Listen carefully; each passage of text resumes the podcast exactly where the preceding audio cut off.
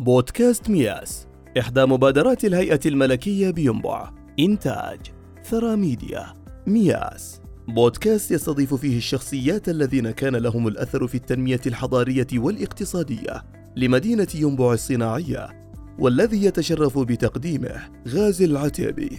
يا أهلا وسهلا بأصدقائنا أصدقاء مياس واليوم في لقاء جديد وحلقة جديدة. تحمل بعد إنساني بعد عصامي لقصة كفاح رجل شارك في تأسيس مدينتنا ينبع الصناعية. ضيفنا اليوم قصته تبدأ قبل أن يولد. قصته تبدأ من قصة والده الذي انتقل من أطراف حايل إلى الجوف في شمال المملكة بحثا عن الرزق في ظل تلك الظروف في تلك الأيام ليجد نفسه في عمان في الأردن ليبدأ قصة جديدة تظهر لنا ضيفنا اليوم الذي نتشرف باستضافته فريق مياس وشركائنا في فريق ثرى ميديا. ان نستضيف هذا اليوم سعادة رئيس الغرفة التجارية بينبع الأستاذ أحمد بن حمود الشغدلي. نرحب بضيفنا اليوم أجمل ترحيب لنعيش معه أحداث وقصص عصامية نتج عنها ما تم في مدينتنا ينبع الصناعية على مستوى المدينة وما تم على المستوى الشخصي لضيفنا اليوم.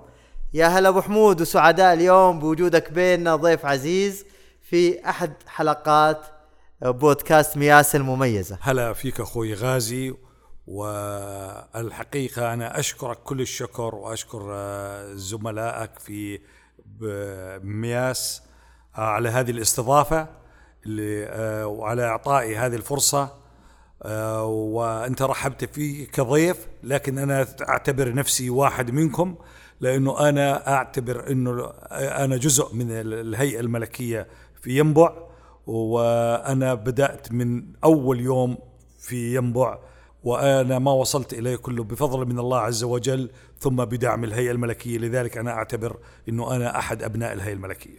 ويشرفنا ذلك أبو حمود. أبو حمود خلينا على قول مثل ما ذكرت في البداية نعود إلى سنوات مضت سنوات صعوبة العيش والمعيشة في ذلك الزمن الذي الحمد لله ما عشناه جيلنا لكن عاشوا جيل آبائنا وأجدادنا. قصة الوالد رحمة الله عليه في حايل وانتقاله إلى الشمال ومن ثم إلى الأردن. يا ليت نبدأ فيها وبعد ذلك ننتقل لنشأتك وطفولتك في تلك الفترة فعلا مثل ما تفضلت أخوي غازي في في الفترات اللي خرج فيها الوالد من حايل آه، إلى الأردن مرورا بال- آه، بالجوف.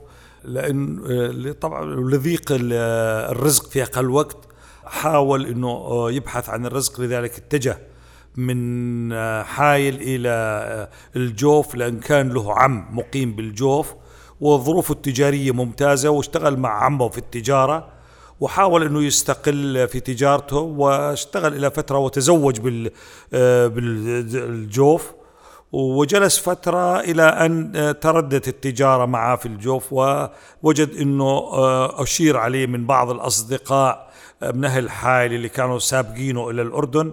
أنه يجيهم ينتقل إلى عمان. وفعلا انتقل الوالد إلى الأردن وأقام هناك وبدأ يمارس آه، بعض الأعمال مع آه، صديق له من حايل آه، شخص قالوا يطلق عليه عبد المحسن المشاري. كان فاتح مركز يعني بما معناه مركز تجاري آه، في الأردن. مارس التجارة إلى آه، أن آه، عرض عليه آه، عرض عليه أنه يدخل الجيش ويتوظف في الجيش. وفعلا دخل ال- الجيش اللي كان يطلق عليه الجيش العربي لأنه يتشكل من الجيش الأردني وبعض ال- الجيوش العربية اللي منها الجيش السعودي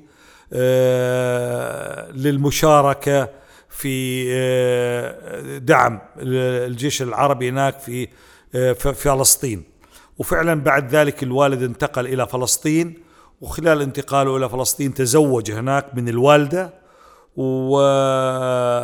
وأقام فترة إلى أن تم احتلال ما يسمى بالضفة الغربية من فلسطين آه، وانتقل إلى رجع إلى شرق الأردن اللي كان موجود سابقا فيها إلى مدينة اسمها الزرقاء. وطبعا في هاك الوقت أصبحت أنا في سن الدراسة ودخلت المدارس آه، في الأردن إلى أن أكملت آه، دراستي. وبعد ذلك والوالد بعد ما شعر أنه وصلنا إلى مرحلة نستطيع أن نرجع للمملكة أنا وإخواني وأخواتي ووصلنا آه، إلى مرحلة العودة. بدأ يفكر الوالد أنه يرجع للمملكة لأنه وصل سن التقاعد اللي هو ستين سنة. فرجع الوالد في هاك الوقت إلى حايل. لكن بما إنه أنا كنت ارتبطت أنا الوحيد من إخواني أكبر إخواني بما إني ارتبطت مع جامعة للانت آه، انتسبت فيها وجدت على إنه أستمر بقائي في عمان لكن لابد من عمل. فبتوفيق من الله عز وجل آه، استطعت أن أتعاقد مع القنصلية السعودية في عمان وأكون موظف في السفارة السعودية في عمان. آه، في البداية دخلت معهم كفترة تجربة في موسم الحج. وبعد تبين إنه ادائي أداء جيد وفي إخلاص وتميز وخاصة إنه أنا أشتغل في السفارة السعودية اللي هو إنه أنا أنتمي لها أنتمي إلى وطني. حتى لو إني مقيم كنت خارج لكن الوالد غرس فينا حب الوطن حب حايل حب السعودية حب. فلذلك آه، كنت أشتغل في كل إخلاص مما آه، طلب مني السفير إنه أنا أبقى أستمر معهم إلى أن خلصت دراستي. إلى أن خلصت دراستي بالانتساب مع جامعة بيروت العربية. بعد ذلك بدأت أنا أفكر في العودة إلى المملكة وهذا ما كان ما كنت أصبو له رائع أبو حمود. طبعا آه، الفترة الشباب والدراسة والعمل آه، مثل ما نعرف إنه وجودك في القنصلية السعودية في عمان أعطاك فرصة للاحتكاك برجال الأعمال. وكذلك قادت الصدفة أبو حمود عن طريق يمكن قصة ترويها لنا آه، إصدار تأشيرات لبعض الخبراء لمشروع ما يسمى بذاك الزمن مشروع ينبع للهيئة الملكية.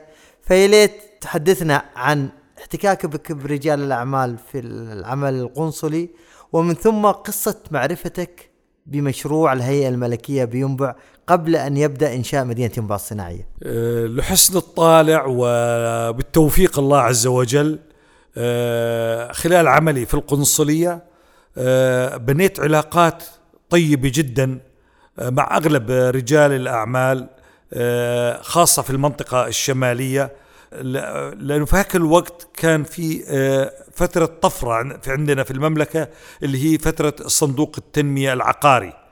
فلذلك كان يتواجد عدد كبير آه، من رجال الأعمال ومن المقاولين السعوديين للحصول على عماله من الأردن وخاصة أنه بعد ما تم ترقيتي داخل القنصلية آه، من موظف صغير إلى رئيس قسم تأشيرات العمل فبدأت أتعامل مع رجال أعمال ومع مقاولين آه، وخلال علاقاتي معهم تبين لي أنه التجارة هي آه، الشيء المناسب اللي ممكن أنا أحقق منه أهدافي. وبتوفيق من الله عز وجل كان أحد المراجعين آه، للحصول على تأشيرات آه، لمهندسين أمريكان الجنسية عن طريق عمان مندوب لشركة بارسونز اسمه عبد الله يحضرني الآن اسمه عبد الله الجهني آه، وضح لي على إنه في أمريكان جايين من آه، اليونان آه، لفرع شركة بارسز في اليونان ويبغى ينقلهم إلى المملكة على أساس إنهم يشتغلوا مع مشروع ينبع، أنا لم أكن أعرف إيش ينبع ولا أسمع عن ينبع إلا بدأ يشرح لي الأخ عبد الله عن ينبع. فبتوصية من سعادة القنصل الأخ مبارك القثامي هاك الوقت عجلنا في إصدار التأشيرات لهم حتى ما تزيد التكلفة على الشركة وباقامتها في ينبع. فتواصلنا مع السفارة الأمريكية وأخذنا منهم خطاب دعم وبعد ذلك تم التأشير لهم لدخول المملكة. وبدأت العلاقة بيني وبين الأخ عبد الله والتواصل وأبديت له رغبتي إنه أنا أبغى آه، أرجع على المملكة على أساس في هدفي التجارة لكن أبغى فترة انتقالية أشتغل فيها كموظف. رائع. هالصدف هذه الطيبة اللي, اللي بتجلب أحيانا الحظ و... وإنك تكون أحد آه، أعمدة مدينة ينبع الصناعية. طبعا الآن تعرفت على المشروع ينبع. أعطينا قصة انتقالك وأنا أعرف قصة يعني كانت يعني تحكي لنا زمن يمكن الجيل من أبنائنا الصغار ما يتخيلوا إن الحياة كانت بدون تقنية وبدون بدون تواصل. آه، سفرك من عمان إلى جدة آه، رحلة السفر إيش صار فيها وراها قصة آه، عملك في بارسونز انتقالك المدينة ينبع الصناعية في مراحل يمكن قبل إنشائها.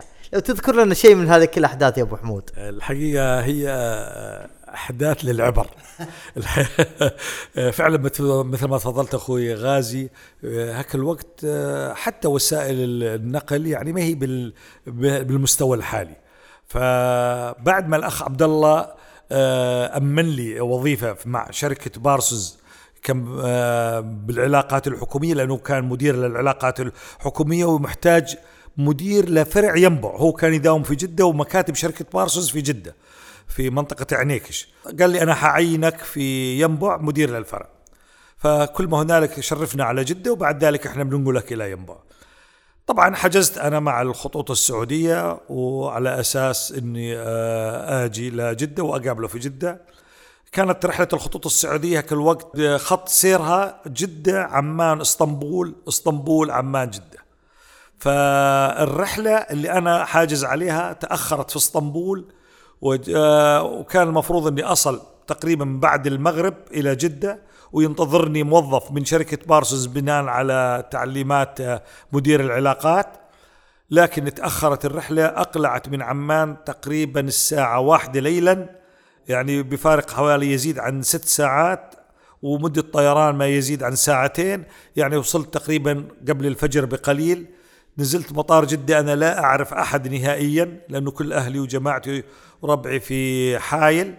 نزلت مطار جدة لا أعرف أحد أبحث عن الشخص اللي ينتظرني لم أجده. فالرجل انتظرني وقت ساعة أو ساعتين أو ثلاث لم يجدني مشى ووصلت جدة. فما كان أمامي إلا أن آه، أبحث عن أقرب مسجد وأروح صليت الفجر. وبعد صلاة الفجر نمت بطرف المسجد. إلى أن طلع طلع النهار لأنه حتى الإمكانية المالية إني أروح أدور فندق وأحجز فندق أول شيء ما في وسائل الحجوزات الحالية وثانيا ما أدري حتى تنقل وين فما كان الحل تاكسي وصلني لاقرب مسجد. فنمت في المسجد إلى أن أصبح الصباح وطلبت من أحد البقالات أدخل عنده يعطيني تليفون أتصل في الأخ عبد الله اللجاني.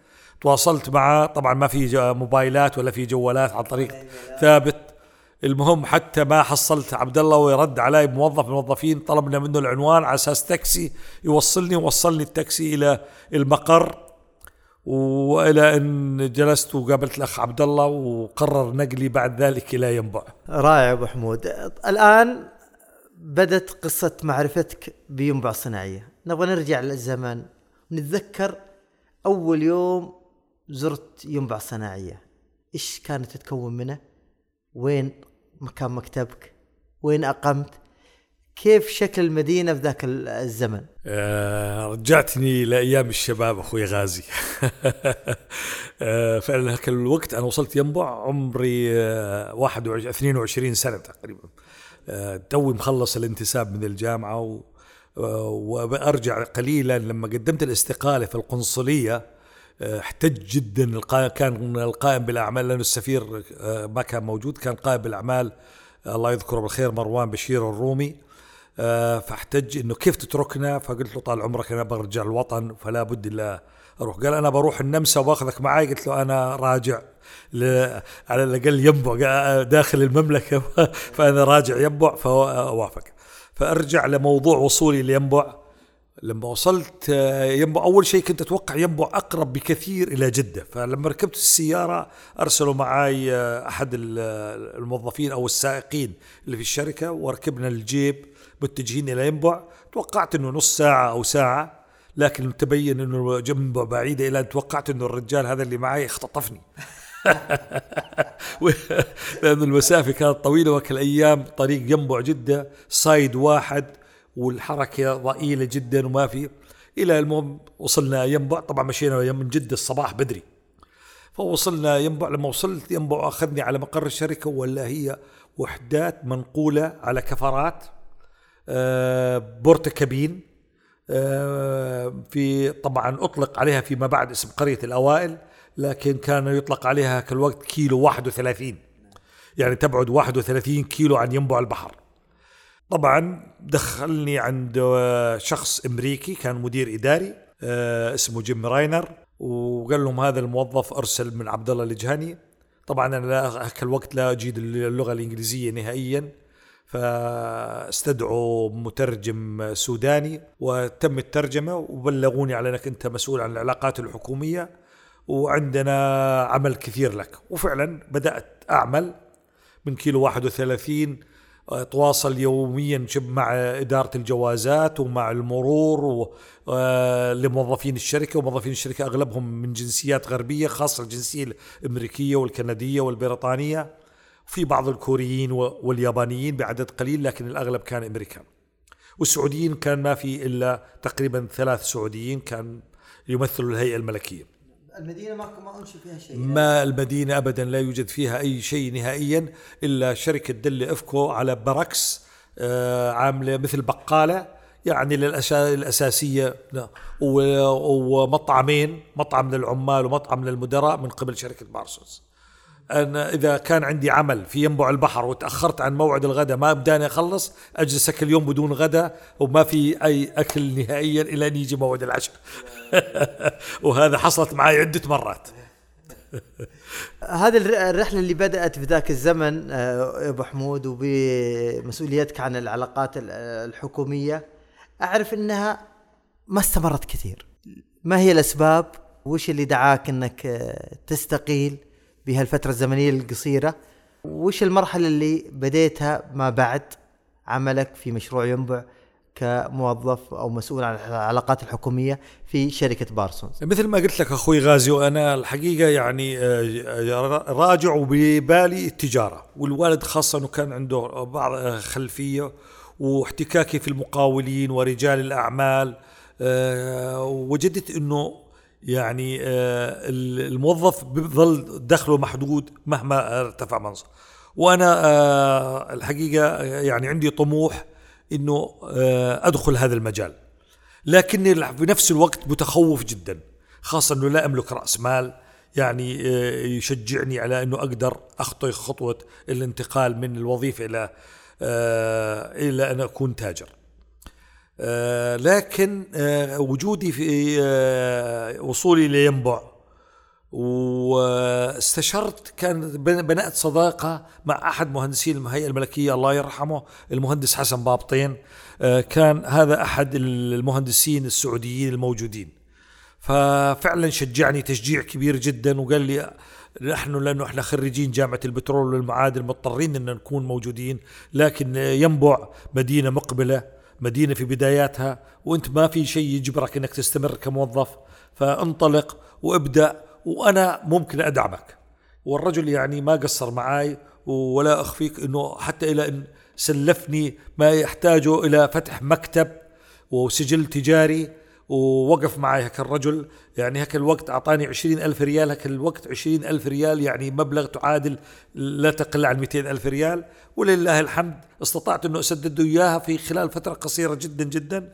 آه لأنه فقط بعد ما قدمت استقالتي إلى شركة بارسونز نفس ما حصل معي بالقنصلية. استدعاني بوب روكس المدير المسؤول الأول في شركة بارسونز. واستغرب من استقالتي ولكن أنا في البداية حاولت إني أخفي عليه السبب آه لكن آه قال إذا كان موضوع مشكلة راتب أو مشكلة مع في مع الزملاء أو شيء أنا مستعد أحل لك اياها إلى أن اضطريت أقول له إنه أنا أبغى أشتغل لوحدي قطاع خاص. فلذلك بعدها قال لي طيب لك الفرصة أنك ترجع لبارسونز في أي وقت وفي بارسونز ما هي فقط ينبع بارسونز على مستوى العالم. وزودني بخطاب يفيد ذلك والخطاب لا يزال موجود عندي إنه آه، شخص مقبول لدى شركة بارسونز وإنه خدمت شركة بارسونز بكل آه، جدية وإخلاص. بعد ذلك آه، بدأت من خلال خبرتي بالعلاقات الحكومية أتواصل مع الشركات الأجنبية اللي بدأت تتوافد على ينبع الصناعيه منها شركات آه، صينية في شركة أذكر اسمها الآن اسمها رتسير أخذت البنية التحتية في منطقة الصناعات الخفيفة بالكامل وهذا أكيد معروف عند الهيئة الملكية كما فأنا أخذت منهم أعمالهم الحكومية. فبدأت من هذا خلال العمل أولد رأس مال.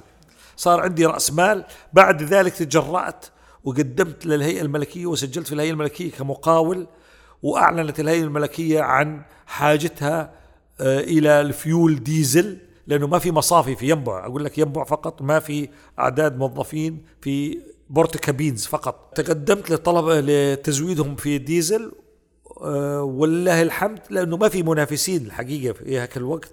كان منافس أو اثنين كان محطة الكشي وأنا. واستطعت إن أنا أتواصل مع مصفات جدة وبمساعدة آه، آه، الحقيقة شخص تعرفت عليه سوداني عن أسرار موضوع الديزل استطاع أنه يعطيني معلومات أنه بنشتري الديزل من جدة وأنه بننقله بصهاريج وأغلب الصهاريج مملوكة لأصحاب أصحابها من أهالي بدر.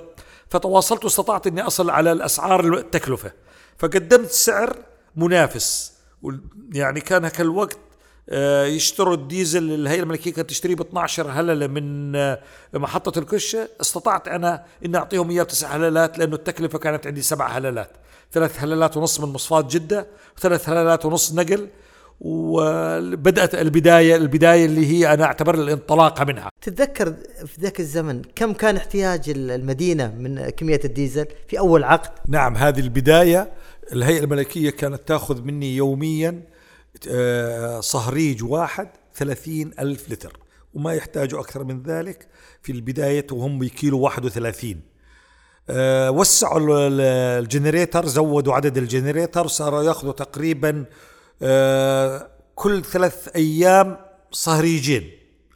وبدأت الزيادات تتدرج تدريجيا إلى أن انتقلنا بدأت الهيئة الملكية تنشئ في ينبع الصناعية في كيلو 19 اللي إحنا الآن نطلق عليه ينبع صناعية هذا كيلو 19 أو بدأت تكبر اللي هو النواة حي النواة بدأت تظهر حي النواة بدأت تظهر بعض الصناعات البسيطة أو البنية التحتية الحقيقة لبعض الصناعات وبدأوا يحتاجوا طاقة كهربائية أكبر. الهيئة الملكية الوقت جابت الطربينات الطربينات الغازية اللي صارت تحتاج كميات ديزل أكبر إلى ما أبغى أطول عليك لكن إلى أن وصلت الكميات إلى أني كل يوم أعطيهم طال عمرك 30 تريلا تريلا وليست صهريج صغير. كل تريلا تحمل خمسين ألف إلى خمسة وخمسين ألف لتر. فكانت كبيرة جدا جدا. لذلك هنا بدأت تزيد الأرباح بشكل كبير جدا. ولثقة الهيئة الملكية ولتعاملي جيد معهم آه، كانوا يعطوني change order يعني تغيير أمر الشراء باستمرار للتواصل معهم آه، وتزويدهم بال fuel diesel. واستمريت بذلك إلى أن فتحت مصفاة ينبع. في قصة يا أبو حمود ما ما أدري إذا تذكرها أنا استحضرتها وسمعتها من بعض. قصة ال ال ال القرض اللي أخذته من البنك. لأنه كان كان هناك تأخير في الصرف وفي طلبات وحرصا منك على عدم توقف الوقود. على المحطة وانقطاع التيار الكهربائي لك قصة في قرض ختم البنك عشان تضمن استمرار وهذا الموقف يسجل لك صراحة. طبعا أنا أعتبر العقد أو الاتفاق أو ال change order اللي كان يجي من الهيئة الملكية هذا التزام. وأنا أبغى أقول كلمة هنا الحقيقة دائما سر من احدى أسرار النجاح الهامة الالتزام والصدق. الالتزام إذا التزمت أنك توفي حتى مهما كلفك ذلك. قد أحيانا الالتزام يكلفك خسائر. لكن الخسائر بتتعوض ممكن بالالتزام وثقة العملاء بتعوضها. فحصل معي موقف آه، طال عمرك آه، طبعا ميزانية المملكة هاك الوقت كانت بواحد رجب. آه، فإحدى السنوات وأنا أزود الهيئة الملكية في الفيول ديزل تأخر الصرف بسبب الميزانية بسبب إعداد الميزانية أو صدور الميزانية تتوقف المصروفات إلى أن تقر الميزانية. والرصيدي لدى المصفاة نفذ. رصيدي المالي لدى مصفاة لأنه جدة مصفاة جدة ما تحمل للسيارات اللي أنا بعطيهم أوامر تحميل ما بتحمل إذا ما كان عندي رصيد خصما من رصيدي لديهم. فاستنفذ الرصيد والهيئة الملكية ما صرفت لي بسبب آه، تأخر. فلذلك النتيجة حتكون آه، إيقاف لفيول الديزل عن آه، المحطة وهذا حيؤدي إلى انقطاع التيار الكهربائي وهذه يعني مشكلة كبيرة جدا يعني كارثة. فرحت للبنك. ف وأنا البنك اللي بتعامل معاه ما يزيد عن ثلاث سنوات تقريبا والحمد لله رب العالمين مسموعاتي جيدة جدا. آه لكن آه ما وصلت إلى مرحلة إني أقترض أو أستلف. فرحت لمدير البنك طبعا مع اختلاف الأنظمة والقوانين عن الوقت الحالي. يعني كانت م... كان مدراء الفروع حق الوقت عندهم صلاحيات. فكان مدير فرع بنك الرياض الأخ فؤاد عشري. دخلت عليه قلت له أخ فؤاد الموضوع كذا كذا كذا كذا. قال طيب أبغى ضمانات. قلت له ما عندي إيه ضمانات ما عندي. هيك الأيام ما عندي إلا بيتي اللي أنا ساكن فيه. إذا ما. فقال كم تبغى؟ قلت له أنا محتاج 900 ألف ريال. لا حتى أزود آه، الهيئة الملكية على الأقل لمدة أسبوعين أو ثلاث. ما أدري متى تصرف لي الهيئة الملكية لكن حال لو صرفوا انت تعرف آه، شيكاتي بتيجي من آه، كان مؤسسة النقد. هي تصرف الشيكات. فأنا كنت حجيب لك الشيكات. قال طيب اكتب لي شيك من عندك. أعطيته شيك من عندي على المكشوف. وأودع برصيد 900 ألف ريال وأعطاني شيك مصدق لأمر مصفات جدة.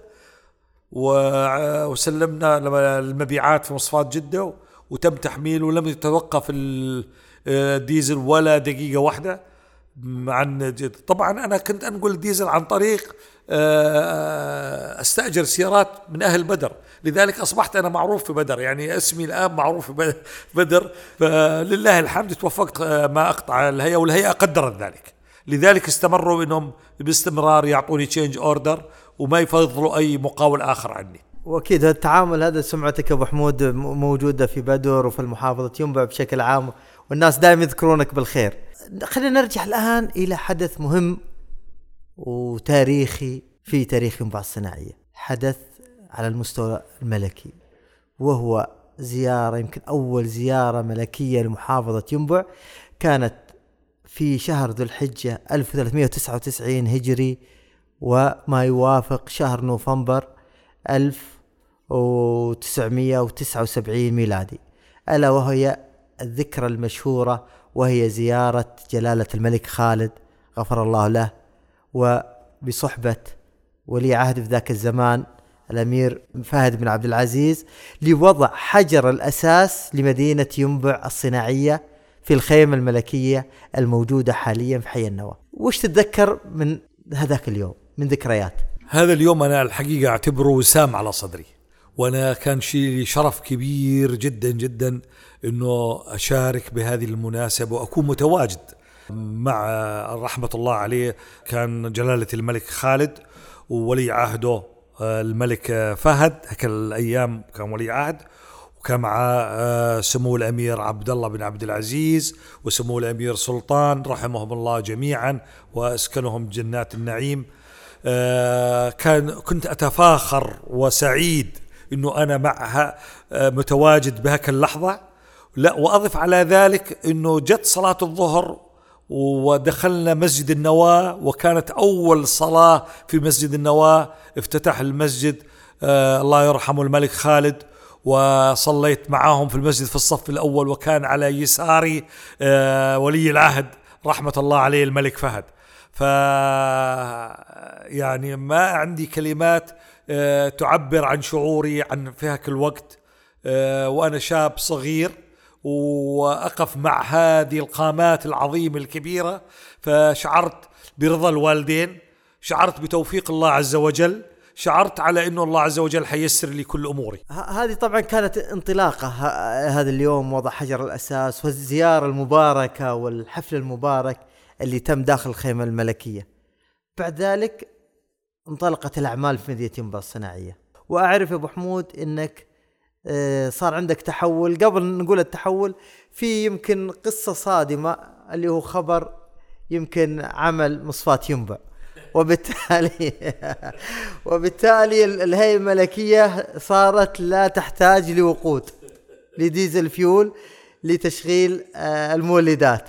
طبعا هذا أكيد كان خبر صعب لأنه كان فيه آه، عقود جيدة در مال عليكم الله يبارك لكم. لكن في كان نقطة تحول أيضا لدخول أحمد الشغدلي لعقود أخرى في مجال مختلف عن التزويد بالوقود. لو تذكر لنا آه، فترة الفترة اللي صارت لك في عملية النقل النوعية في إيقاف عقود الوقود وبالتالي دخولك في عقود البنية التحتية والتشجير في المدينة. حقيقة أوكي في البداية خليني أقول إنه ما كان خبر سار. لكن الحقيقة آه، في نفس في نفس الوقت كان آه، سبب في نقلة آه، لنشاط آخر. ونفس الوقت درس على إنه رجل الأعمال أو التاجر ما تقف امامه الصعاب ولا يبقى في يبقى في مصدر دخل واحد. فلذلك آه، بدأت أفكر فورا وهذا اللي أعتبره أنا الشيء الإيجابي في افتتاح مصفات ينبع أنه لابد أني أبحث عن شيء آه، أواصل في تجارتي أواصل في أعمالي أستمر ما أتوقف. فبدأت أبحث ماذا تحتاج مدينة ينبع الصناعية؟ ماذا تحتاج الهيئة الملكية؟ آه، أنا عشقت هذه المدينة حبيتها لكنه أبغى أستمر فيها. مصدر الرزق اللي كنت معتمد عليه اللي هو تزويد الهيئة الملكية بالديزل توقف بسبب افتتاح مصفاة أول ما كان عندهم مصفاة فتبين لي على أنه بدأت تظهر المساكن بدأت تظهر الشوارع. محتاجين تشجير محتاجين لاندسكيبنج طبعا اللي خلاني أفكر في هذا النشاط أنه بإحدى الصدف في إحدى الجلسات كنت جالس مع بعض الإخوان وكانوا يتكلموا عن موضوع التشجير وموضوع التطوير لأنه كنت أنا أحيانا بعض السهرات أجلس مع مهندسين من الهيئة الملكية مع زملاء من بارسونز وأسمع منهم أسمع من حتى من المقاولين والله إنه بيبحثوا عن مشجرين أو مقاولين لاندسكيبنج فكان بدأت الهيئة الملكية تنشئ طرق وشوارع في أحياء جديدة. في مثلا رضوى في حي الصبح في حي خالد فكانت أول طلبية إنهم يبغوا نخل إلى الشارع اللي هو الآن يطلق عليه شارع الملك عبد الله اللي هو الآن شارع الشاطئ كان. فتقدمت وقلت أنا مستعد وفعلا تواصلت مع أحد المعارف واستطاع إنه يساعدني بالوصول إلى بعض تجار فسائل النخل في منطقة بيشة واستوردت من من بيشة النخل ونقلت كميات كبيرة جدا من النخل ودأت مع الهيئة الملكية بزراعة النخل. بعد ذلك بدأت آخذ منهم آخذ مو منهم مباشرة أخذت من المقاولين اللي تعاقدوا مع الهيئة الملكية للمباني مثل شركة نورول. شركة تركية كانوا آخذين رضوى خمسة ورضوى ستة. أخذت منهم اللاندسكيبنج بالكامل. لذلك الآن رضوى خمسة ورضوى ستة من قام بتشجيرها هو مؤسسة أحمد الشغدلي. بعد ذلك تعاقدت مع آه، شركة جاك. جاك كانوا آخذين بعض الأحياء السكنية برضو أنا شجرتها. آه، شركة سابريكو كانوا آخذين camp four آه، اللي هو المرجان. ولذلك أغلب التشجير في مدينة ينبع الصناعية تم من خلال مؤسستنا. إلى أن تم اكتمال أعمال التشجير في طبعا أنشأت مشتل خلال هذه الفترة والمشتل كان من خلاله أستطيع إنه أحقق أرباح أكثر بدل ما أشتري من المشاتل مثل ما بدأت. اذا أنت مساهم في التنمية الخضراء المستدامة في المدينة من بداياتها ما شاء الله يا أبو حمود. الله يكتب لك أجرها إن شاء الله. أبو حمود بعد كذا تحولت للاستثمار التجاري. وهذه نقطة صراحة يعني حنا فخورين فيها بأنك من أوائل المستثمرين آه، التجاريين الفاعلين في مدينة ينبع الصناعية. لو تذكرنا في بعض بداياتك يعني إحنا نذكر من استثماراتك في سوق النواة في مطعم وبعد ذلك في مجال الديكور ما شاء الله عليك. امتدادا استثمارك في مركز تجاري. لو تحدثنا عن البدايات ومن ثم تطور الاستثمار التجاري في مدينة ينبع الصناعية. طبعا تبين لي إنه بعد مشروع عقد الديزل وبعد عقد عقود ال landscaping إنه هذه المشاريع لها وقت محدد وبتنتهي. بدأت أفكر في الاستدامة. بدأت أفكر إنه يكون شيء لي دائم. هذا الفكر خلاني أتجه إلى أن أعمل محلات تجارية أجهز محلات تجارية. فتبين لي إنه الهيئة الملكية أنشأت سوق اللي هو سوق النواة وإنه في محلات تجارية. ممكن أنا أقوم في بعض الأنشطة التجارية اللي أعتبرها استدامة. ففعلا استأجرت موقع في سوق النواة وأنشأت خاصة إنه بدأ يظهر أعداد من المهندسين والموظفين والعزاب اللي محتاجين إلى مطاعم فأنشأت مطعم متخصص سميناه مطعم الذواق في ينبع الصناعي مقابل مسجد النواة.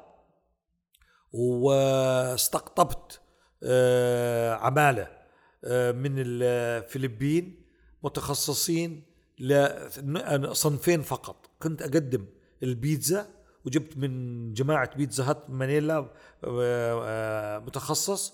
وجبت من آه، برجر كينج متخصص في البرجر.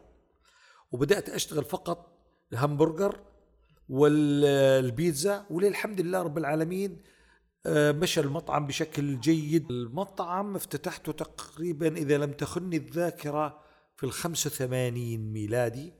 85 أو 86 لا آه، بهالحدود هذا بهالحدود. وجلست في المطعم إلى أن كبرت المدينة وبدأت تظهر مطاعم كثيرة جدا. أضفت على المطعم نشاط آخر في سوق آخر للهيئة الملكي كان في موقع تجاري سكني آه، في رضوة ثمانية. أخذت أكثر من محل وفتحتهم على بعض وعملت مركز لأعمال الستاير والديكور والمجالس.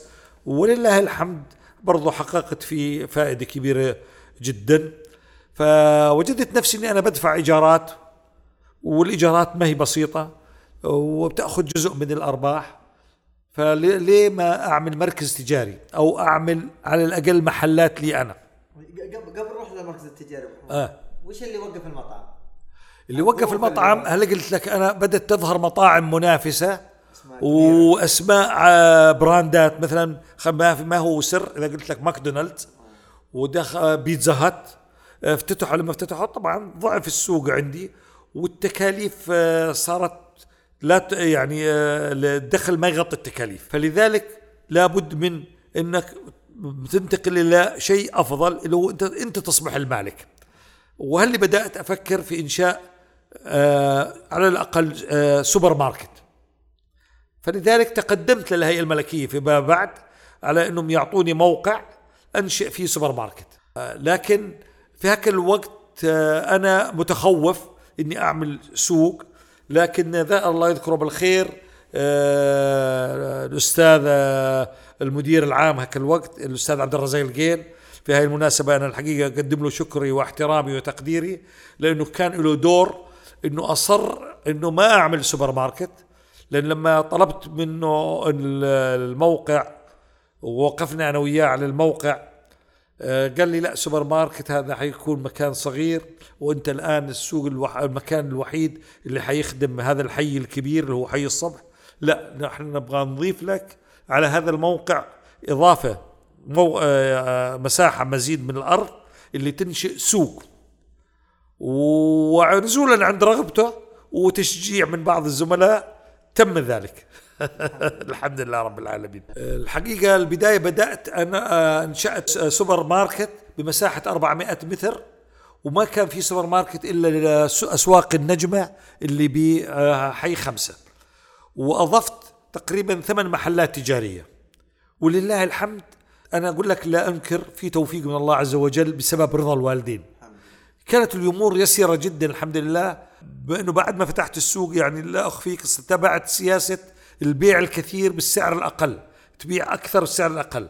هذا استطعت إنه تحول اغلى كل الز- الزباين في في ينبع الصناعيه إلى عندي. تحول لعندي ونجحت بإنه استطعت إنه أجر المحلات كلها وإنه أشتغل بج- بنتائج مبهرة في مما دعاني إني أطلب من الهيئة الملكية توسعة، توسعة طبعا تقريبا بعد حوالي أربع سنوات من بداية السوق. والحقيقة آه، لا أخفيك التوسعة الأولى آه، تم رفضها إلى أن استلم المهندس محمد الجويسر رحمة الله عليه ورحت شرحت له الوضع قلت له طال عمرك أنا أبغى توسع على السوبر ماركت. هذا كان 1420 21 ببدايات تقريبا المهندس محمد أو بعد ما بدأ تقريبا في الوقت, في الوقت اللي بدأ فيه المهندس محمد الجويسر لأنه بعد ما جاء الرفض ورحت شرحت له الوضع إنه أنا قدمت إني أضيف السوبر ماركت كان في قطعة أرض خلف السوبر ماركت صايرة بشكل مشطوف ولا أحد ممكن يستفيد منها بين صار بين مدرستين مدرسة البنات ومدرسة الأولاد خلف السوق ولا يمكن لأنه الهيئه الملكية ردوا علي إنه هذه فرصة استثمارية ولازم يعلن عنها. فلما طلع عليها المهندس محمد رحمة الله عليه على الطبيعه أنت زعلت يوم جرد أكيد هذا. ها؟ زعلت يوم جرد. زعلت جدا من الرد واستغربت قلت له يعني حاولت إني الإخوان في آه، الاستثمار قالوا والله إحنا الأنظمة والتعليمات ما بتسمح لنا لازم نعلن عنها فرصة استثمارية. وحاولت أقنعهم إنها ما هي فرصة استثمارية ولا يمكن تصلح أنها فرصة استثمارية إلا لي أنا لأنه أنا مجاور ممكن أتوسع فيها لكن غيري أنا بالنسبة لي حقفل يعني حكون موقعي مقفل عليه فما حد حيستفيد منها. فلما طلع المهندس محمد بنفسه على الموقع وشاف على الطبيعة إنه كلامي مقنع والطبيعة تقنع أقنعته بذلك قال لي خلص قدم طلب جديد وفعلا قدمت طلب جديد وسلمته إياه باليد وقال لي أنا خلص حتابعه مع سمو الأمير سعود بصفته رئيس الهيئة الملكية وفعلا آه، رحمة الله عليه بعد تقريبا أسبوعين اتصل علي تليفونيا وقال لي مبروك أبو حمود. آه، تمت الموافقة من سمو الأمير سعود وتوكل على الله. وفعلا وقعت العقد مع الهيئة الملكية على توسعة. وتمت توسعة السوبر ماركت. تقريبا تضاعفت المساحة. أصبحت مساحة السوبر ماركت الآن 1580 متر مربع. وأصبحنا نستطيع نخدم المدينة بشكل أفضل. لله الحمد هذا زاد الإقبال. مع أنه بعد ذلك افتتحت بندة وكان في تخوف كبير إنه اسم مثل بنده كبير. لم نتأثر أبشرك بأكثر من ثلاثة شهور انخفاض بسيط في المبيعات وبعد ذلك زادت المبيعات بشكل أكبر. بشكل أكبر من ما استدعى إنه نطلب توسعة ثالثة. التوسعة الثالثة حولت السوق لله الحمد. طبعا بعد ما أخذت بعض الإجراءات وقعنا عقد استثماري. تحول السوق من تقريبا 10 محلات تجارية إلى الآن أصبح 38 محل تجاري. وأصبح يخدم عدة أحياء في ينبع الصناعيه ولله الحمد آه، كان توفيق من الله عز وجل إنه نحقق. لذلك أنا مدين إلى ينبع بشكل عام ولا ينبع الصناعية بشكل خاص والهيئة الملكية تحديدا. ما شاء الله تبارك. أبو حمود أنت عندك ميزة أنك صراحة يعني مسيطر على كل الأولويات. ما أدري ما أدري إيش السر. يعني في الوظائف من الأوائل اللي التحقوا بالمشروع في الاستثمار المقاولين كنت من أوائل المقاولين السعوديين اللي اشتغلوا في المدينة. الاستثمار التجاري كنت من أوائل المستثمرين التجاريين في مدينة ينبع الصناعيه الشيء الجديد اللي طلعت عليه إنك فعلا كنت صاحب الرخصة رقم واحد لإنشاء منزل خاص فردي لأول مرة في مدينة ينبع الصناعيه لأن كل مشاريع الإسكان كانت يا تبع الهيئة الملكية يا تبع القطاع الشركات.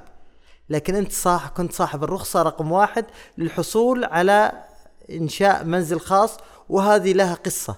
نبغى نسمعها منك اليوم.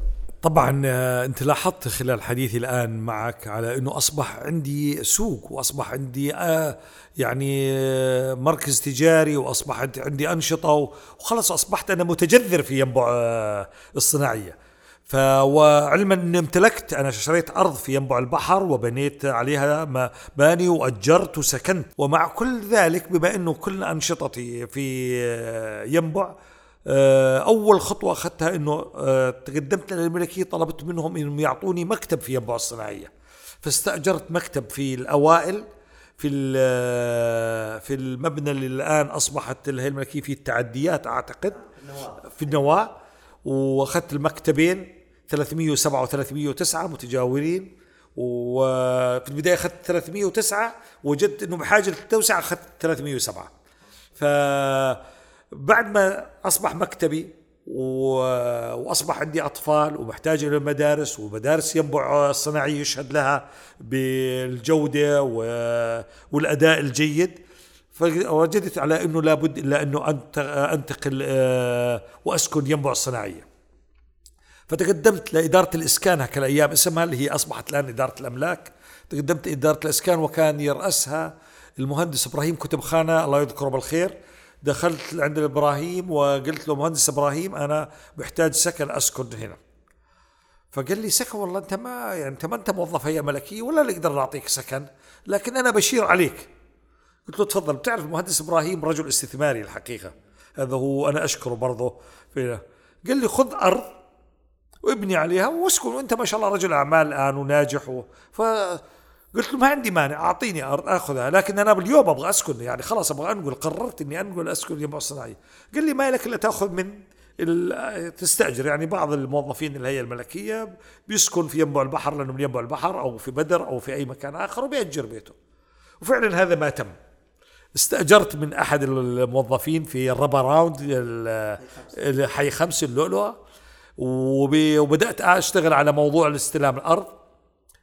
فأخذت الأرض في حي عين النوى. أخذت أرض مساحتها تقريبا أقل من 500 متر. لما بدأت في مع المكتب الهندسي وأبغى أخططها وأعمل قطعة أبني تبين لي أنه القطعة صغيرة. قطعة صغيرة 500 متر والأراضي أغلبها في, في هذا الحي وأنا ما أبغى أبعد على الأحياء القريبة على المشا... حتى أكون قريب من مناطق السكن. وكان عين النوى أقرب شيء لرضوى ستة ورضوى خمسة. ما أبغى أصير منفرد لوحدي بعيد. يعني بتعرف كعائلة بتقلق أنك تكون بعيد. ما في الأيام. ما في بيوت نهائيا إلا اللي بنته الهيئة الملكية. رضوى خمسة ورضوى ستة. فأقرب شيء لهذه الأحياء عين النوى. رجعت للمهندس إبراهيم. قلت له طال عمرك هذه القطعة صغيرة. 500 متر. أبغى قال نعطيك القطعة اللي جنبها. شوف هذا كان من المستحيلات حاليا يحصل. فأعطوني قطعة ثانية قطعتين ودمجت القطعتين وأخذوا علي تعهد إني ما أبني إلا واحدة سكنية واحدة عليها حتى ما يصير وحدتين على الأمر. وفعلا هذا ما تم واندمجنا قطعة أصبحت بدل ما هي القطعة 500 متر أصبحت القطعتين تجاوزت ال 1000 متر أصبحت 1050 متر القطعتين وبنأني عليها أول وحدة بدأت أبني أول وحدة سكنية فبعد ما بدأت أحفر تواصل معي هك الوقت كان آه، كان بيسلم بالنيابة مدير لل... كان مدير عام يطلق عليه للهيئة الملكية آه، الله يرحمه محمد عبد الجواد. فتم التواصل مع رئيس الهيئة الملكية سمو الأمير عبد الله بن فيصل بن تركي على إنه بصفته رئيس للهيئة الملكية يحضر هذا الحدث اللي كان بالنسبة للهيئة الملكية.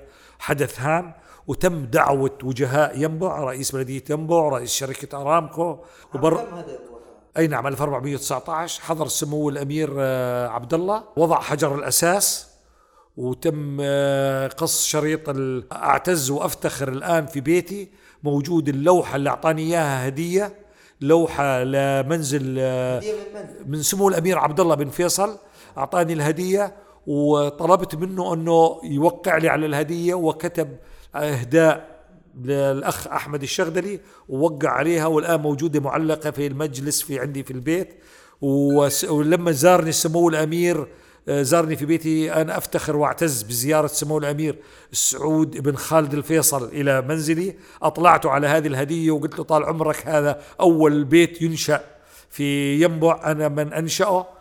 لذلك أنا أفتخر أني أكون أول مواطن يضع أول بصمة في ينبع الصناعية. لذلك أقول لك أنا عاشق إلى ينبع. فهذه الوسام الثاني بعد الوسام الأول بحضور آه، وضع حجر أساس المدينة وضع حجر أساس بيتي في آه، مدينة ينبع الصناعية. فلذلك لا تلوموني لعشقي ولا حبي لينبع. أنا من أهل الحايل لكن الهوى ينبعاوي ما شاء الله تبارك الله. طبعا يا أبو حمود ما يعني الشيء بالشيء يذكر وأنا من في, في أثناء التحضير لهذه الحلقة يعني سمعت من بعض من بعض المستثمرين الصغار في في السوق اللي آه، تديرونه وتملكونه في حي الصبح. في موقف لكم حقيقة يشكر يذكر. آه، وهو وقوفكم في أزمة جائحة كورونا مع المستثمرين الصغار المستأجرين في سوق الصبح والتخفيضات اللي عملت لهم والتسهيلات اللي آه، عملت للمستثمرين في لمواجهة آه، هذه الجائحة. وأنا عارف يعني يمكن ما تحب إن نتكلم عن النقاط هذه لكن هذه من الأشياء المضيئة اللي ودنا آه، نثيرها في هاللقاء وقفتك الإنسانية الغير مستغربة على أبو حمود مع آه، المستثمرين الصغار في مدينة ينبع الصناعية. لو تذكر لنا بعض الأشياء عن هذه الفترة اللي مرت فيها ينبع الصناعية وكل العالم مع جائحة كورونا. آه، فعلا أخوي غازي الجائحة لما وقعت آه، مع أنه حنا كسعوديين نفتخر ونعتز بحكومتنا وبطريقتها لمعالجة هذه الجائحة. فوقوف الدولة بمواجهة هذه الجائحة ولدت عندنا الالتزام الوطني. آه، ولدت عندنا انه لابد إلا أنك تكون آه، لك دور في الوقوف في هذه الجائحة لأنها أثرت على الجميع. وأنا لا أخفيك أنه الجائحة أثرت علي شخصيا مباشرة آذتني أذى كبير جدا. فقلت بما أنه أنا صاحب المركز التجاري وصاحب السوق أنا إمكانياتي لله الحمد طيبة آه، ومتأثر وبدأت آه، بدأت أواجه مشكلة وأواجه خسائر. فما بالك في المستأجرين اللي آه، أنا لي سنوات أستوفي منهم إيجارات وأحقق فوائد والآن هم بدأوا يقعوا في ضرر خاصة خلال فترة منع التجول المطاعم أقفلت التجمعات ممنوعة وما في تجارة بدون تجمعات وحركة تسويقية. فلذلك لابد كان على الأقل أقف لو لفترة قصيرة معهم حتى ما يوصلوا إلى مرحلة الانهيار. فكان القرار الأول إعفائهم من الإيجارات. فعافيناهم في المرحلة الأولى لمدة ثلاث شهور منه ما يدفع إيجار. لكن تبين لنا إنه الثلاث شهور غير كافية لأنه أنت مثل ما تعرف إنه الجائحة أخذت وقت أطول. فمدة الثلاث شهور ثلاثة شهور أخرى. بعد الثلاث شهور الأخرى وجدنا إنه آه انخفض الإيجارات. يعني وفعلا وبكل أمانة وهم الآن بإستطاعتك تتأكد منهم تم تخفيض الإيجارات بنسبة 50% المحل اللي كان مؤجر 36 أصبح 18 واللي كان ب 20 أصبح ب 10 وهلم جرى. طبعا مع كل التخفيض وجدنا إنه حتى ال 18 أو المبلغ اللي صار قليل أو نص المبلغ ما هو قادر يدفعه. يعني بدأوا جوني أو واحد أو اثنين أو ثلاث يقول أبو حمود ما نقدر ندفع إيجار. فاولا بدأنا نقول له اللي تقدر عليه جيبه إلى أن وصلنا مع إلى مع المستأجرين إنه لا تدفع كانوا يدفعوا نصف سنوي كل ستة شهور. حولناهم إلى شهري. وبعضهم بعض الأشهر يقول لك الشهر هذا اسمح لي الشهر هذا المبيعات فيه ضعيفة. فنأجله للشهر اللي بعده. ولا نزال إلى يومك هذا بنستوفي الإيجارات من المستأجرين بالإيجار الشهري وبعضهم حتى يؤجل له شهر وشهرين وثلاث. لأنه شيء فوق طاقته فوق إرادته. وأخذنا بعين الاعتبار أنه أغلبهم تكلف بديكورات وبتجهيزات وبرواتب وبعماله بعضهم اضطر يقفل. فلذلك كان لابد كواجب وطني واجب ديني واجب إنساني وبالنهاية أنا بالأخير أنا لا أخفيك أني أنا بستفيد ليه بستفيد؟ لأني أنا لقل أضمن ما ينهار ويطلع أدور مستأجر آخر. أضمن استمراريته موجودة عندي. فنظرتي كتاجر المفروض تكون نظرة بعيدة. فهذا أنا بدعي فيه زملائي آه، رجال الأعمال والتجار. إنه ما تكون نظرتك قصيرة وأنا آسف إنه بعض ظهرت بعض اصحاب المحلات أو المراكز التجارية كان يصر على الايجار مما أجبر يحقق مما أجبر إنه العميل يخسر بشكل أكثر. أه، خلينا ننتقل أبو حمود على نادي الفروسية ومركز الفروسية بينبع الصناعية وأنت من الناس اللي ساعدوا في تطور هالمركز والنادي كنت عضو في مجلس إدارة النادي وكذلك كنت مسؤول أعتقد إداري ومالي لمركز الفروسية. وش تتذكر من ذيك الأيام؟ آه لله الحمد آه طبعا أنا دائما آه يعني أشعر إنه لابد الا تكون آه، مشارك في المسؤولية الاجتماعية بأمانة. و والسبب انضمامي لمركز نادي الفروسية أنه قبل ما أنضم إلى النادي وكان النادي موجود وكان يرأسه المهندس إبراهيم كتب خانة. كان يرأس مجلس الإدارة. لكن لما كان تقام أي فعاليات أو مناسبات أتواصل أنا مع النادي أو يتواصلوا هم بالأحرى وأكون أكثر دقة هم يتواصلوا معي لدعم بعض الفعاليات. فما كنت أتردد لله الحمد. فيبدو أنه آه، وصلتهم رسالة على أنه آه، المسؤولية الاجتماعية من ضمن اهتماماتي. فلذلك آه، تواصل معي المهندس إبراهيم. وطلب مني أنه أشارك معهم في عضوية مجلس الإدارة فما ما لم أتردد بذلك لأني شعرت أنه برضه واجب إنه أكون في هذا من وأنتم ما شاء الله الآن يشهد لكم ببرامج التطوع والتطوع وما وصلتم إليه.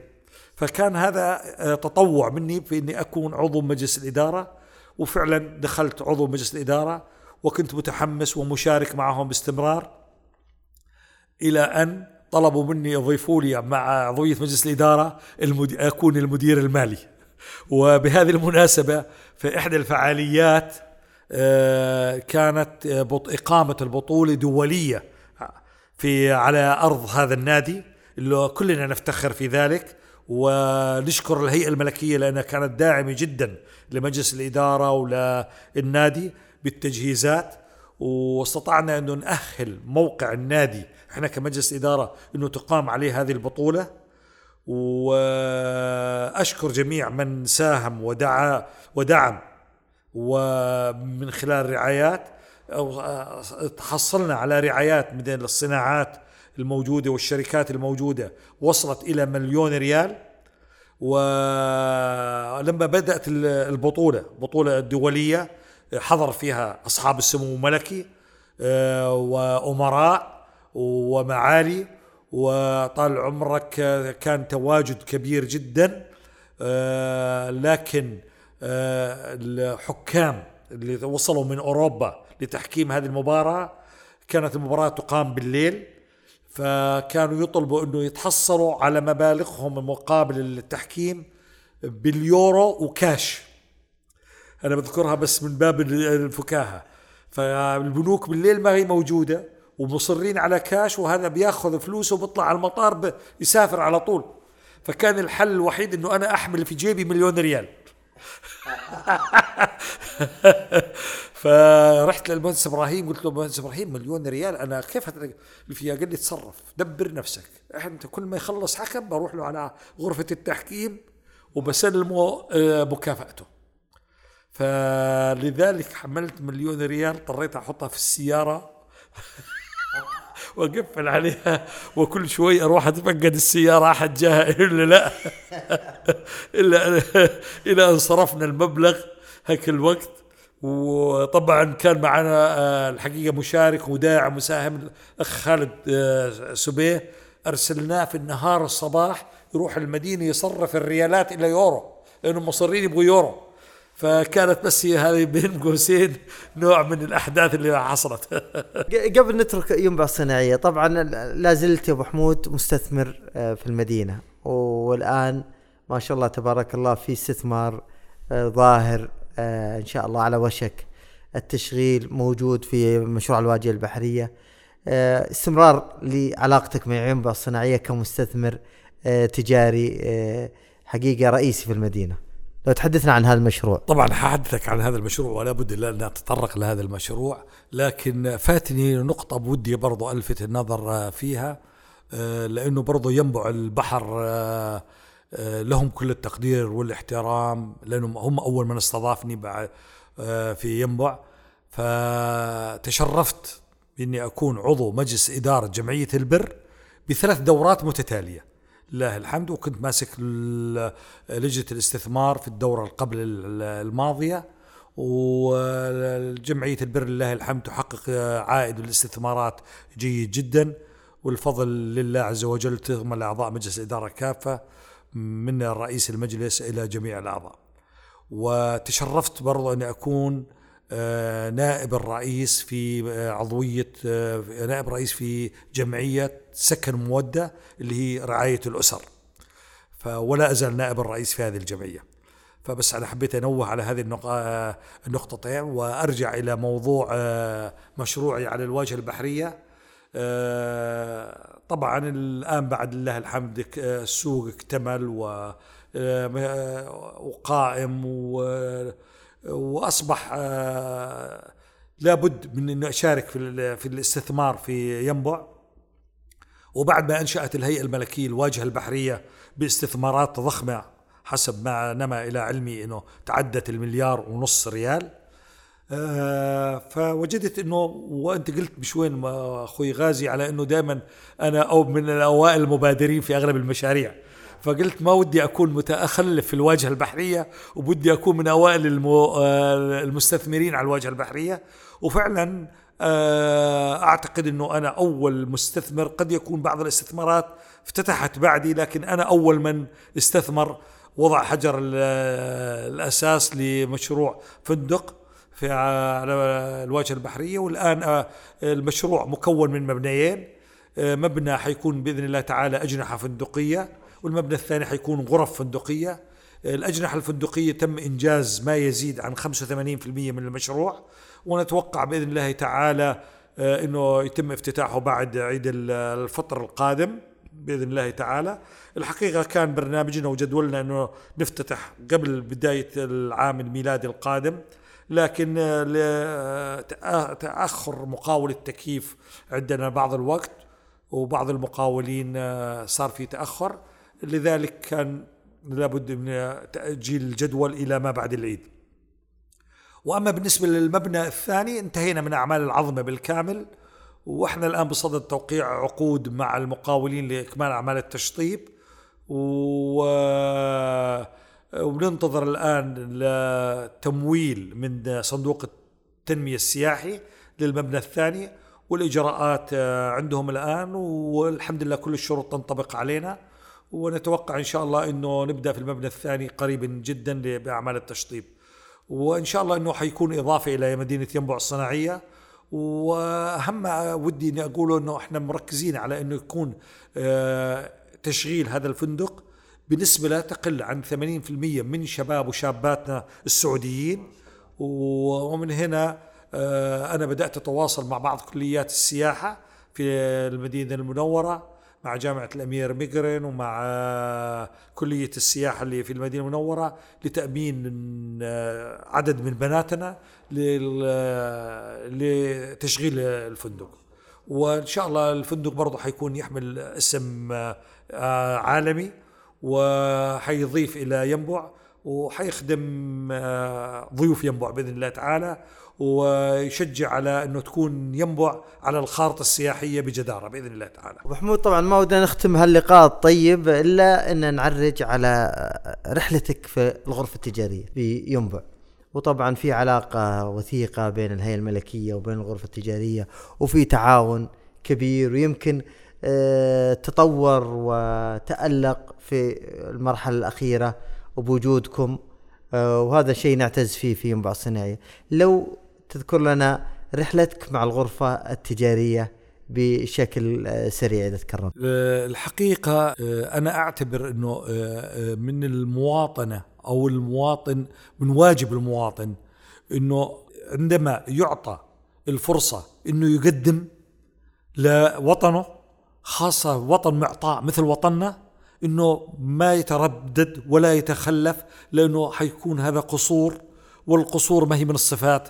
الطيبة. في الدورة السابعة في الغرفة التجارية آه تم التواصل معي من قبل مجلس الإدارة في هاك الوقت على إنه أنضم إلى إحدى اللجان الوطنية، فعلا انضميت إلى اللجنة التجارية بصفتي تاجر وتم انتخابي نائب لرئيس اللجنة في هاك الوقت. الجميع بيعمل بجد وإخلاص لكن يبدو لي إنه كان أنا حماسي أكثر متحمس دائما في أعمالي أكثر.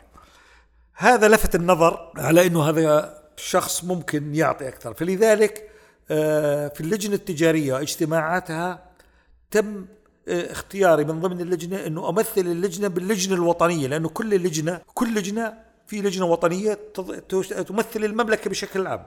فتم اختياري من ضمن اللجنة الوطنية إنه أنا أمثل هذه اللجنة في اللجنة الوطنية في الرياض. ولله الحمد انتهت الدورة. وكان حضوري دائما يعني ما أتأخر عن الاجتماعات أو عن السفر في حالة إني طلب مني السفر وكنت ما أحمل الغرف التجارية لأي تكاليف مالية أسافر على حسابي.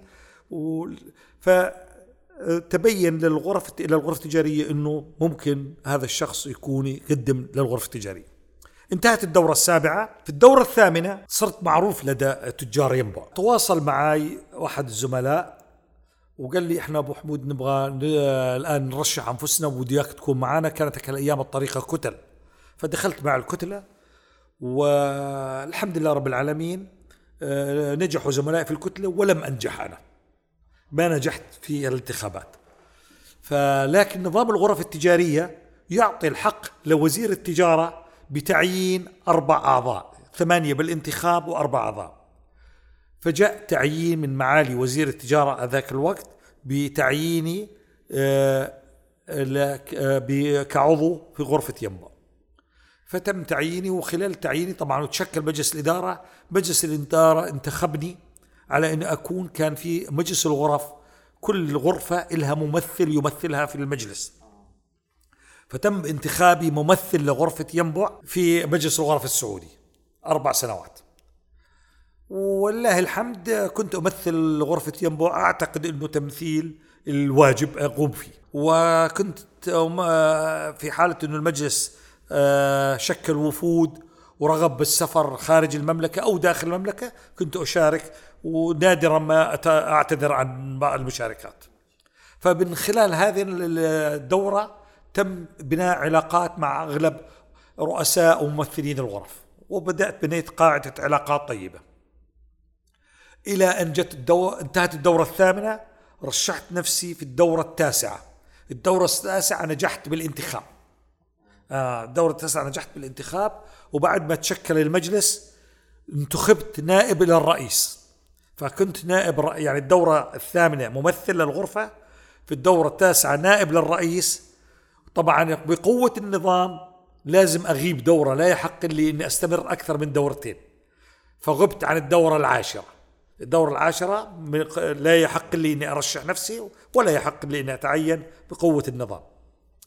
في الدورة الحادية عشر اللي هي الدورة الحالية رشحت نفسي وبشرك جبت أعلى أصوات وبفارق كبير جدا بيني وبين زميلي اللي بي بعدي في الأصوات. آه وبعد ما تشكل المجلس آه من ثمان أعضاء بالانتخاب وأنا واحد منهم وأربع أعضاء من معالي الوزير آه تم انتخابي رئيس لمجلس الإدارة وتم صدور خطاب معالي وزير التجارة بتكليفي برئاسة المجلس. والآن بعض بعد النظام الجديد أصبح ما في ممثلين للغرف أصبح اللي يمثل الغرف هم رؤساء الغرف. في فأنا الآن رئيس مجلس إدارة غرفة ينبع وعضو مجلس اتحاد الغرف السعودي. ولله الحمد آه، أول ما تشكل المجلس بدأت بتشكيل آه، لجان. حتى واعطيت اللجان الصلاحيات لكل لجنة كأنها غرفة مستقلة تقوم بعملها كاملا لخدمة ينبع. والآن إحنا في هذه الدورة مهمتنا الرئيسية وأنا بلغت زملائي في المجلس مهمتنا الرئيسية نحاول نضع ينبع على الخارطة السياحية ودائما أذكر لهم أقول لهم الصناعة اتركوها للهيئة الملكية، الهيئة الملكية لله الحمد ما قصرت وتقوم على صرح كبير وصرح نفتخر فيه. في الصناعة. إحنا غرفة ينبع بودنا نكون لنا دور إنه نضع ينبع على الخارطة السياحية. طبعا كغرفة تجارية كان لابد من التنسيق مع الهيئة الملكية لأنه حتى إنشاء الغرفة التجارية كان تزامنا مع آه، إنشاء آه، الهيئة الملكية. يعني قيام الغرفة التجارية كان من أسبابه لخدمة المدينة الصناعية. فكان من الواجب أول ما وصلت الدورة إنه أتواصل مع الهيئة الملكية فبعد ما استلم معالي الرئيس المهندس خالد السالم رئاسة الهيئة الملكية تشرفت بالتواصل معه والحقيقة أشكره من هذا المنبر كل الشكر والتقدير لأنه فعلا وجه لنا دعوة واجتمعت معه وابدا كل استعداد وكل دعم آه، مما هذا يس- حيسهل علينا الطريق إحنا كغرفة في جذب الاستثمارات إلى ينبع. وبعد ما استلم سعادة الرئيس التنفيذي المهندس عبد الهادي آه، مشروع ينبع برضو تشرفت بالسلام عليه و آه، اتفقنا على أنه تقام بين آه، غرفة ينبع والهيئه الملكية شراكة اللي تخدم المحافظة بشكل عام آه، حتى نحقق هدف رؤية المملكة اللي حنا جزء منها نعتبر جزء واجب إنه حنا نكون مشاركين آه، فيها. ف ولا يفوتني إنه أشكر آه، الدكتور فهد القرشي على الدعم والمساندة اللي آه، حصلناها منه خلال آه، مشروع بداية مشروعنا في الواجهة البحرية. فله كل الشكر والتقدير وأشكركم أنتم جميعا على اعطائي هذه الفرصة الطيبة.